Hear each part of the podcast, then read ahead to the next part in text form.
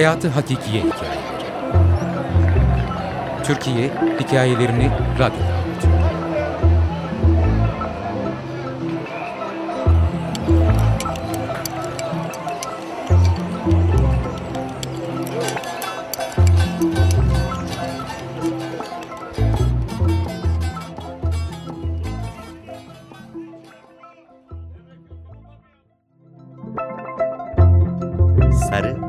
darı, huzur. İçimden sarı, darı, huzur, sarı, darı, huzur diye tekrarlıyorum. Bu kelimeler benim güvenli alanım. Uçaktayım. Yanımda sevdiğim adam oturuyor. Korkuyorum ama sakinleştirici almadım. Korkunca sarı, darı, huzur diye fısıldıyorum. Bu kelimeler yıllar önce İzmir'de darı yiyip ailece bir başka geceyi izlediğimiz zamanlardan kalma. Terapistle konuşurken buldum. Günlerden cumaydı. Babam az evvel haberleri bitirmiş, TRT'yi açmıştı. Birazdan en sevdiğimiz eğlence programı başlayacaktı. Annem darı haşlamıştı o gece. Hava epey sıcaktı. Bu yüzden bu gece, bu gece bir başka gece müziği bitene kadar balkonda elimdeki darıyı dişliyordum. Süt darı çok lezzetliydi. Sarısı da turuncuya çalıyordu. Altın gibi, güneş gibi parlaktı. İşte sarı darı huzur böyle çıkmıştı ortaya. Karşı yakada bir başka gece saat 2'yi geçiyordu. Televizyonda siyaset meydanı vardı. Birileri ekranda sabahlara kadar tartışırken onları izleyip bilinçli vatandaşlar olduğumuz için gururlanıyorduk. Yalnız ben o akşam vatandaşlık bilgisinden kaytarmıştım. Elimdeki kitaba gömülmüştüm. Emel kızım gözüne yazık falan diyordu bizimkiler. Ama umurumda değildi. Daha çok gençtim. 16 belki 17 yaşındaydım. O yaşlarda geceleri karnım çok acıkırdı. Bizimkiler emekliydi bu yüzden akşam yemeklerini erken yerdik. Gece muhakkak meyve soyulurdu. Yine de midemiz kazınırsa tost yapardık. Tost babamla benim gece kaçamağımızdı. Izgara olarak da kullanılabilen düğmesini balık, et ve ekmek dilimleri resimleri süsleyen tost makinemiz hep ekmek dilimine ayarlıydı. Babam mutfağa geçince peşinden gidip onu seyrederdim.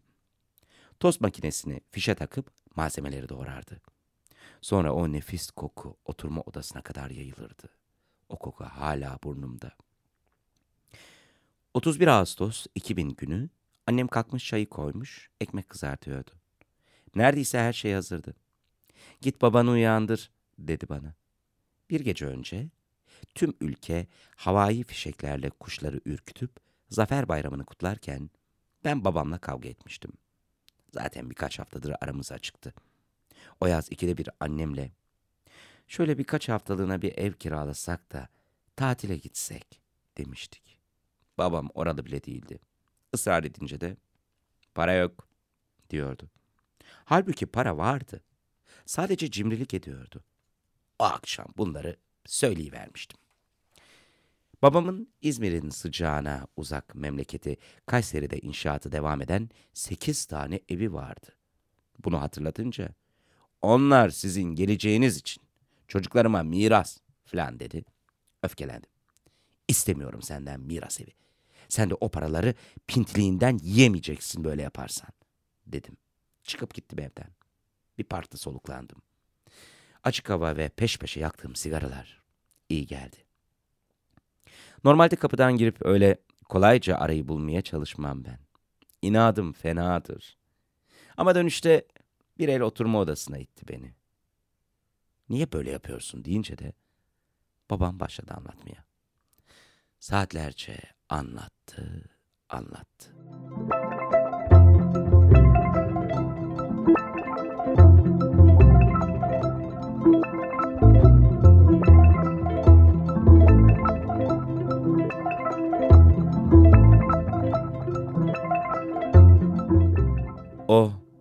45 yaşında üçüncü defa baba olurken kız evlat istemiş. Yaşlılığında elinde bastonla oğlunun peşinden koşmak zor gelir diye. Sen bir oldun, pir oldun ama diyordu. Haklıydı.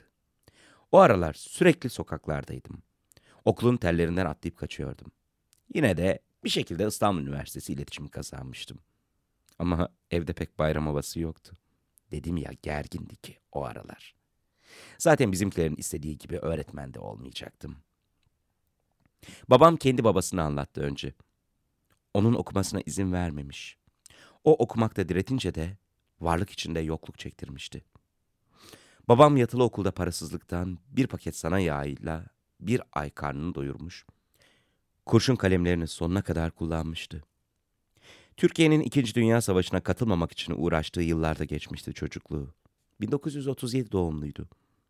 Yoksul ülkesinde varsıl babasının orta halli bir hayattan mahrum bıraktığı bu adama ille de yazlık tutalım ısrarımı hatırlayıp önüme baktım. Babam o akşam gençliğini, ilk evliliğini, neden boşandıklarını, annemle nasıl tanıştığını uzun uzun anlattı. Türkiye'de işler karışınca Almanya'ya gittiklerinden, oradaki çalışma temposunun yoğunluğundan bahsetti. Farkında değildi ama Fordizm'den, yabancılaşmadan konuşuyorduk. Yıllar sonra Chaplin'in modern zamanlarını izlediğimde babam aklıma gelecekti. O gece neredeyse sabaha kadar oturduk. Babam ucu ucuna sigaralar ekledi. İçme bu kadar dedik. Nafileydi. Annem o saatlere kadar dayanamayıp uyudu. Biz konuştukça konuştuk. Babam inançsızdı. Herhangi bir kronik hastalığı yoktu. Öyle sık sık ölümden bahsetmezdi. Bizde hastalık ve ölümü dilinden düşürmeyen annemdi. İki dünyayı böyle paylaşmışlardı. Yine de o gece lafı ölüme getirdi. Allah korusun deme öyle şeyler diyordum.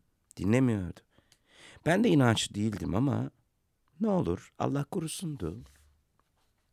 Bu temennime gülüp geçti ve konuyu nasıl gömülmek istediğine getirdi. Meğer Aziz Nesin'e örnek almış. İleride çocuklar için öyle bir vakıf kurmak ve cenaze törensiz gömülmek istermiş. Sabaha karşı ter içinde uykuya dalmak üzereyken konuştuklarımız geçiyordu aklımdan. Annemle tanışma hikayeleri de ayrı mevzuydu tabii. Annem Ankara'da askeri hastanede terziymiş. Ortak tanıdıklar sayesinde tanışmışlar. Sonra bir kere papazın bağına gidip çay kahve içmişler. Babam aralarında 10 yaş olmasına çok sevinmiş. 11 yaş olsa evlenmeyecek miydin derdi annem ara ara. Bir de kısa boylu annemin nispeten uzun boylu babama Selvi gibi görünmesi var o ilk gün. Babam hep bana Selvi gibi görünmüştü derdi. Bütün bunları düşünürken ağzımda bal tadıyla uyuyakalmıştım. Ertesi sabah annem kalkmış, çayı koymuş, ekmekleri kızartıyordu. Git babanı uyandır dedi bana. Neredeyse her şey hazır olunca babamı uyandırmaya gittim. Ellerini göğsüne kavuşturmuş. Ağzı hafif açılmış, uyuyordu babam. Baba, babacım, uyan artık dedim. Baba, babacım uyan artık. Koluna dokundum. Uyanmadı.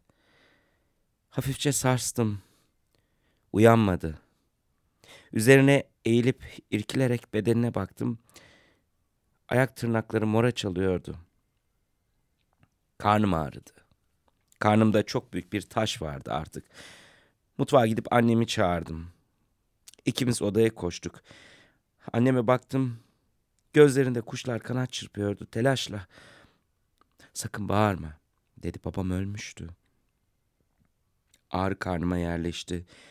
Çığlık boğazımda kaldı. Ne zaman uçaktan, asansörden, MR makinesinden korksam artık karnım ağrıyacaktı be. Ben bunu ancak bir terapist koltuğunda fark edecektim. O gün görüntüler karıştı, bulanıklaştı. Ben demir gibi, buz gibi durdum.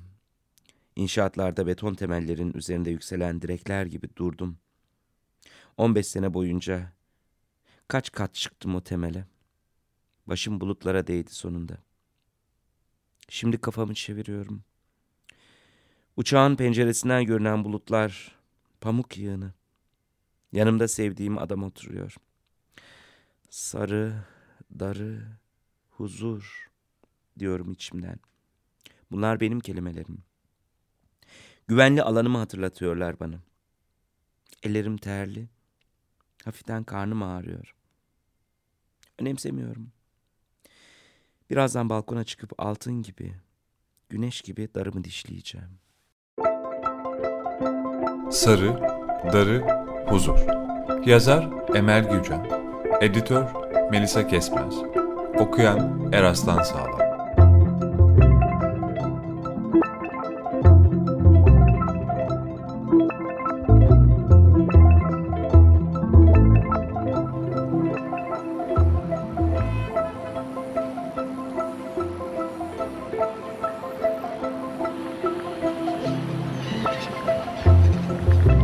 Hayatı Hakikiye Hikayeleri.